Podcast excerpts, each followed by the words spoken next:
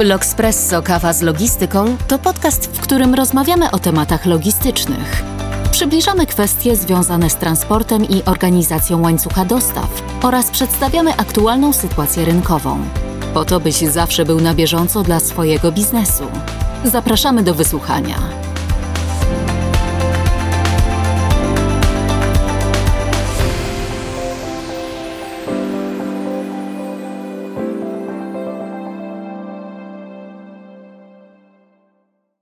Dzień dobry Państwu w kolejnym podcaście logistycznym firmy Kinen Nagel Logspresso. Dziś naszym gościem jest Agnieszka Juszkiewicz. Dzień dobry Agnieszko. Dzień dobry. I dziś mamy też ciekawy temat, jak zawsze z Agnieszką. Porozmawiamy o taryfikacji celnej. Przygotowując się do dzisiejszego podcastu, e, wczytałem się e, dogłębnie w taryfikację, którą przesłała mi wcześniej Agnieszka. Znalazłem tam bardzo dużo ciekawych pozycji, o które zapytam, ale zapytam na końcu naszego podcastu, bo musimy zacząć od rzeczy najprostszych, czyli powiedzmy w ogóle, czym jest taryfikacja celna, Agnieszko? Taryfikacja celna jest to dopasowanie kodu taryfy do naszego towaru, tak, do produktu, który sprowadzamy. Nie, nie może być tak, że jeden produkt towar, wyrób ma dwa odpowiedniki taryfy celnej. Zawsze musi być jeden i tylko jeden odpowiednik. Dobrze. A jaki jest cel taryfikowania y, towarów? Generalnie taryfa celna y, określa nam również y, stawki cła, które są, na, ciążą na danym towarze. Jeżeli zataryfikujemy dobrze nasz towar, będziemy wiedzieli, jaką stawkę cła, może jaką stawką cła jest objęty. Czy jest to 0%, 2,7, 3,7, 6,5, 12, 17. No ale właśnie, ze swojej perspektywy, kiedy też analizowałem przepływy towarowe między Polską a, a resztą świata, yy, widziałem, że to są te same kody, oczywiście z taryfikacji celnej, czyli mogę zobaczyć, ile Polska eksportuje krzeseł obrotowych na cały świat, gdzie, w jakiej wadze i jakiej wartości. Czy te kody są wszędzie takie same, czy bywają różne? Unii Europejskiej system taryfikacji określa ISZTAR, dokładnie ISZTAR 4. Jest to e, taryfa celna wspólna dla całej Unii z jednakowymi stawkami cła. Stawki VAT-u oczywiście różnią się w zależności od kraju. Okej, okay. ale, ale stawki VAT-u się różnią, ale sama taryfikacja. Taryfikacja i stawki cła w całej Unii Europejskiej są identyczne. Mhm.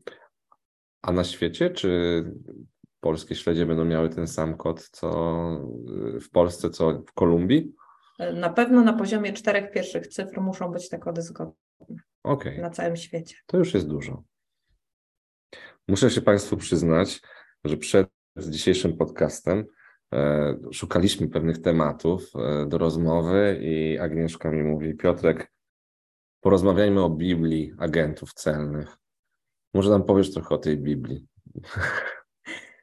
Generalnie taryfa celna jest e, zbudowana w taki sposób, że produkty najmniej rozwinięte są na samym początku, produkty najbardziej rozwinięte technologicznie, najbardziej zaawansowane są na jej końcu. E, czyli od najmniejszych, naj, najmniej złożonych, jakimi są zwierzęta żywe, do najbardziej złożonych. E, zanim zaczniemy taryfikować nasz towar, e, należałoby się zapoznać właśnie z tą Biblią taryfy celnej, czyli z uwagami do taryfy celnej i regułami nią rządzącymi. Jest takich reguł sześć i one określają to, w jaki sposób powinniśmy taryfikować i gdzie szukać odpowiedzi, jeżeli dany towar e, właśnie pasuje nam do dwóch kodów taryfy celnej. Czyli mamy te sześć punktów i tą bardzo długą listę możliwych produktów importowanych bądź eksportowanych i dlatego nazywasz to Biblią agenta celnego.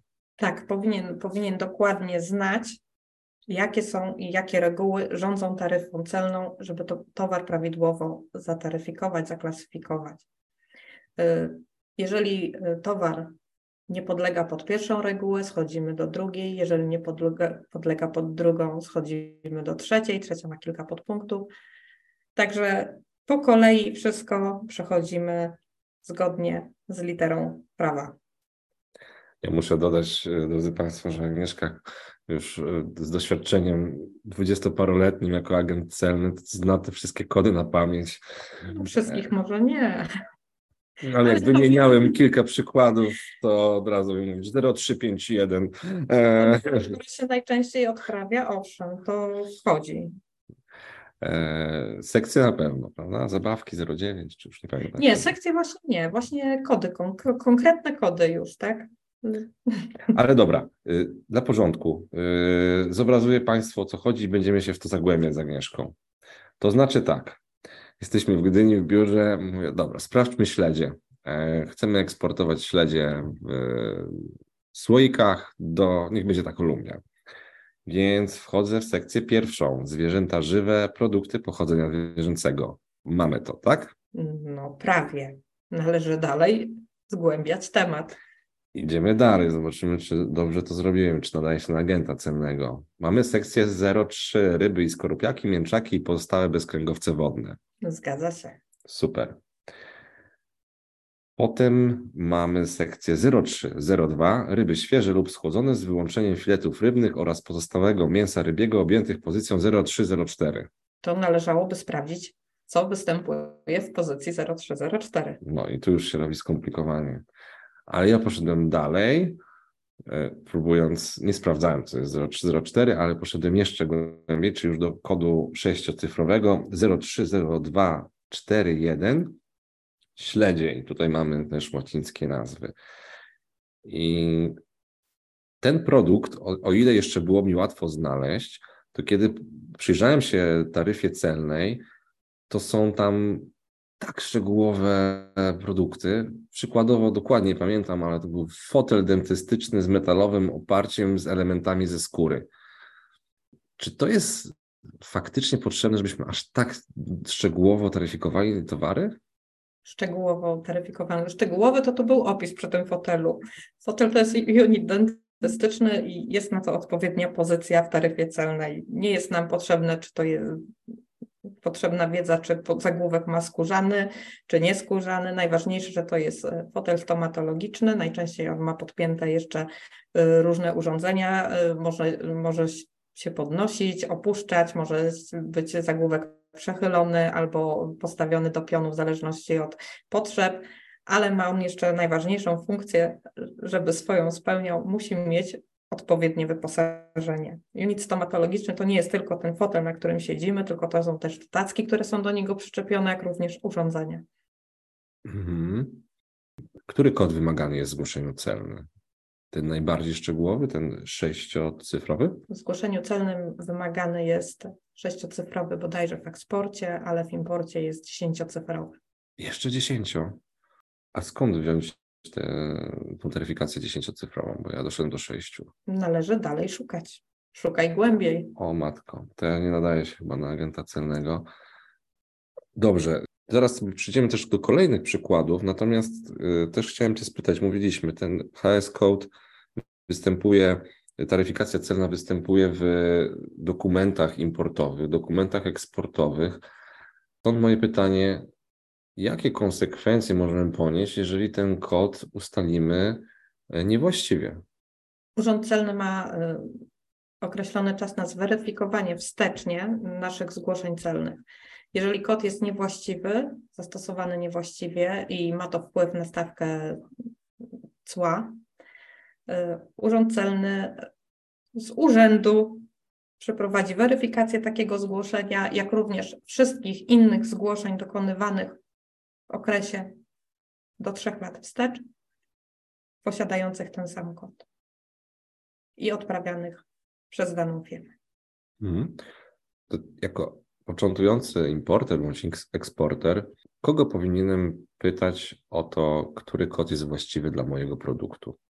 można doradzić się agenta celnego, ale to importer albo eksporter powinien znać właściwości swojego towaru. Powinien udzielić na tyle wyczerpującej odpowiedzi, żeby można było zataryfikować taki towar w jedną i tylko jedną pozycję. Dobrze, czy możemy wystąpić do urzędu o. No dobrze, ale w przypadku wątpliwości podatkowych mamy procedurę indywidualnej interpretacji podatkowej, która jest niejako wiążąca. Czy tutaj mamy podobną procedurę z Urzędem Celnym, że możemy wystąpić o takie no, nadanie czy potwierdzenie naszych przypuszczeń, że ten kod jest właściwy? Oczywiście. Istnieje e, takie coś jak wiążąca informacja taryfowa. Jest to decyzja wydawana przez urząd dla danego towaru. Należy przedstawić urzędowi celnemu wszystkie opisy towaru, dane techniczne, jeżeli to dotyczy tego towaru, i urząd celny na tej podstawie wyda wiążącą informację taryfową, która jest ważna przez 5 lat, o ile kod celny albo taryfa nie ulegną zmianie. Okej, okay. no dobrze, ale będę pytał dalej, bo tak jak sprawdziłem też kawę. Naszym tematem przewodnim naszego podcastu jest też przecież kawa, L'Espresso.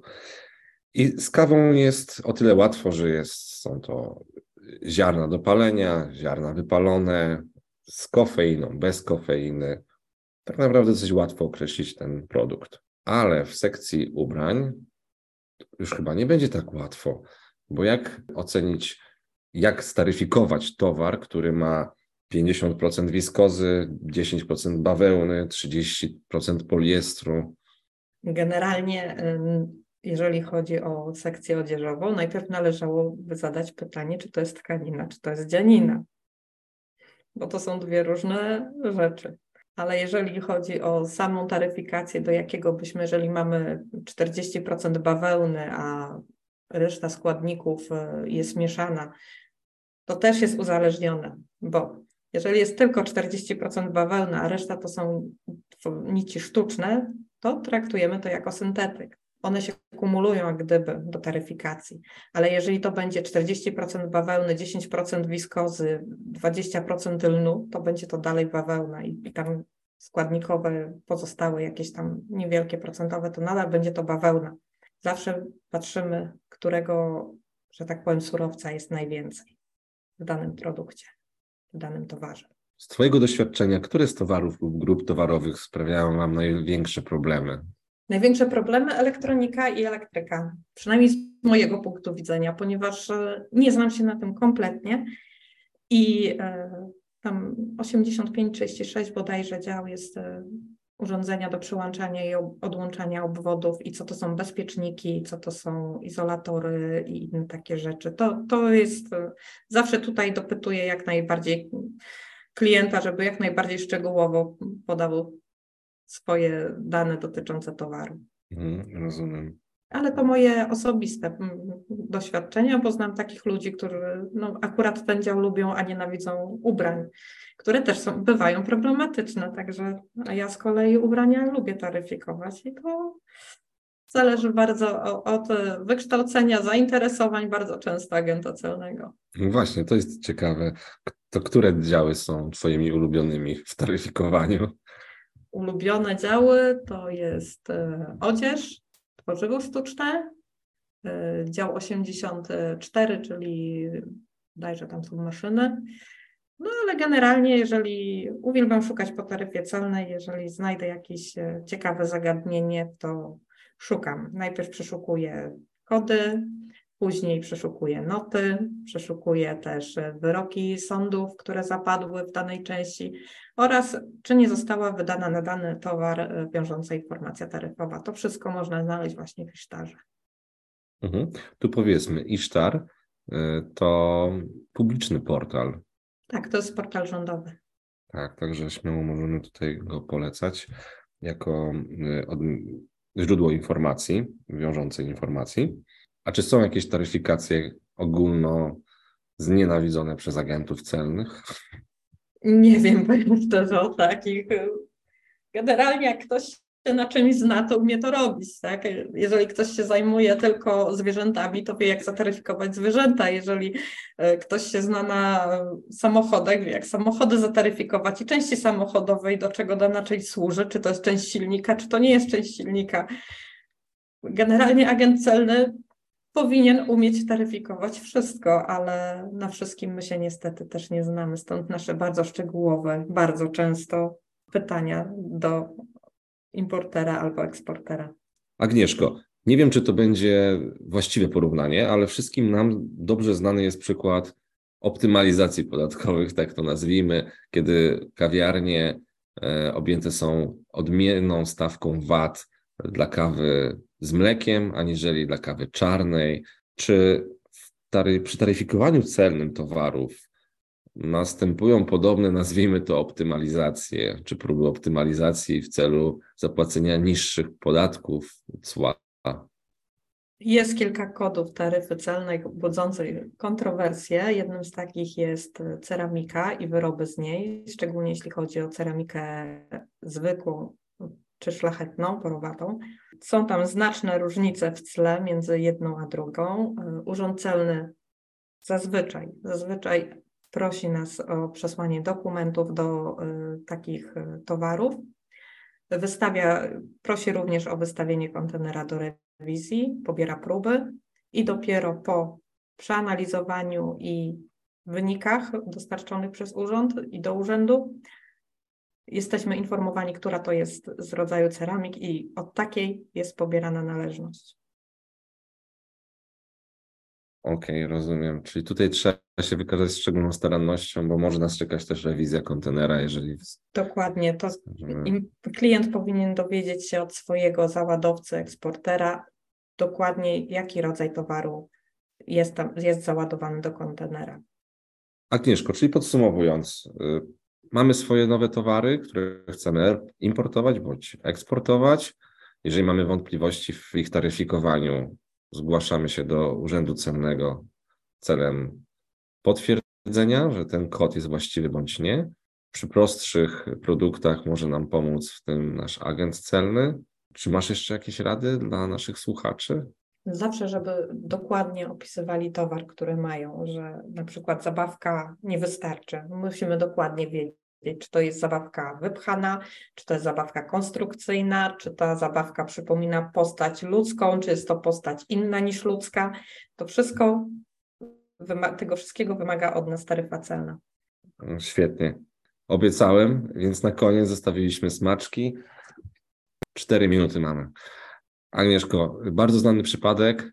Nie będę mówił o marce, bo nie możemy mówić o markach, ale to jest taka okrągła czekoladka i w środku jest taki plastikowy pojemnik z zabawką. Bardzo znana. Dzieci, wszystkie dzieci to lubią, dorośli również. No właśnie, czy to jest zabawka, czy to są słodycze?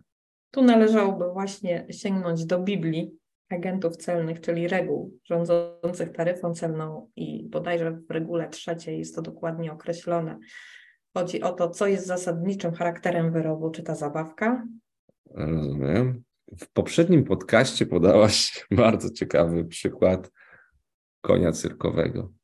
Powiesz o nim dwa zdania?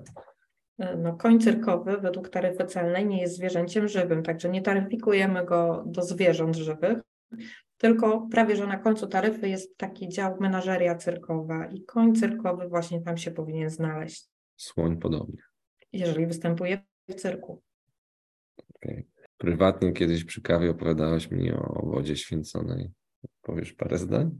No wodę święconą nie ma znaczenia tam udziału żadnych y, ceremoniałów nad nią odprawianych. Woda to woda. Taryfikujemy jako wodę. Niegazowana, po prostu. Dokładnie tak.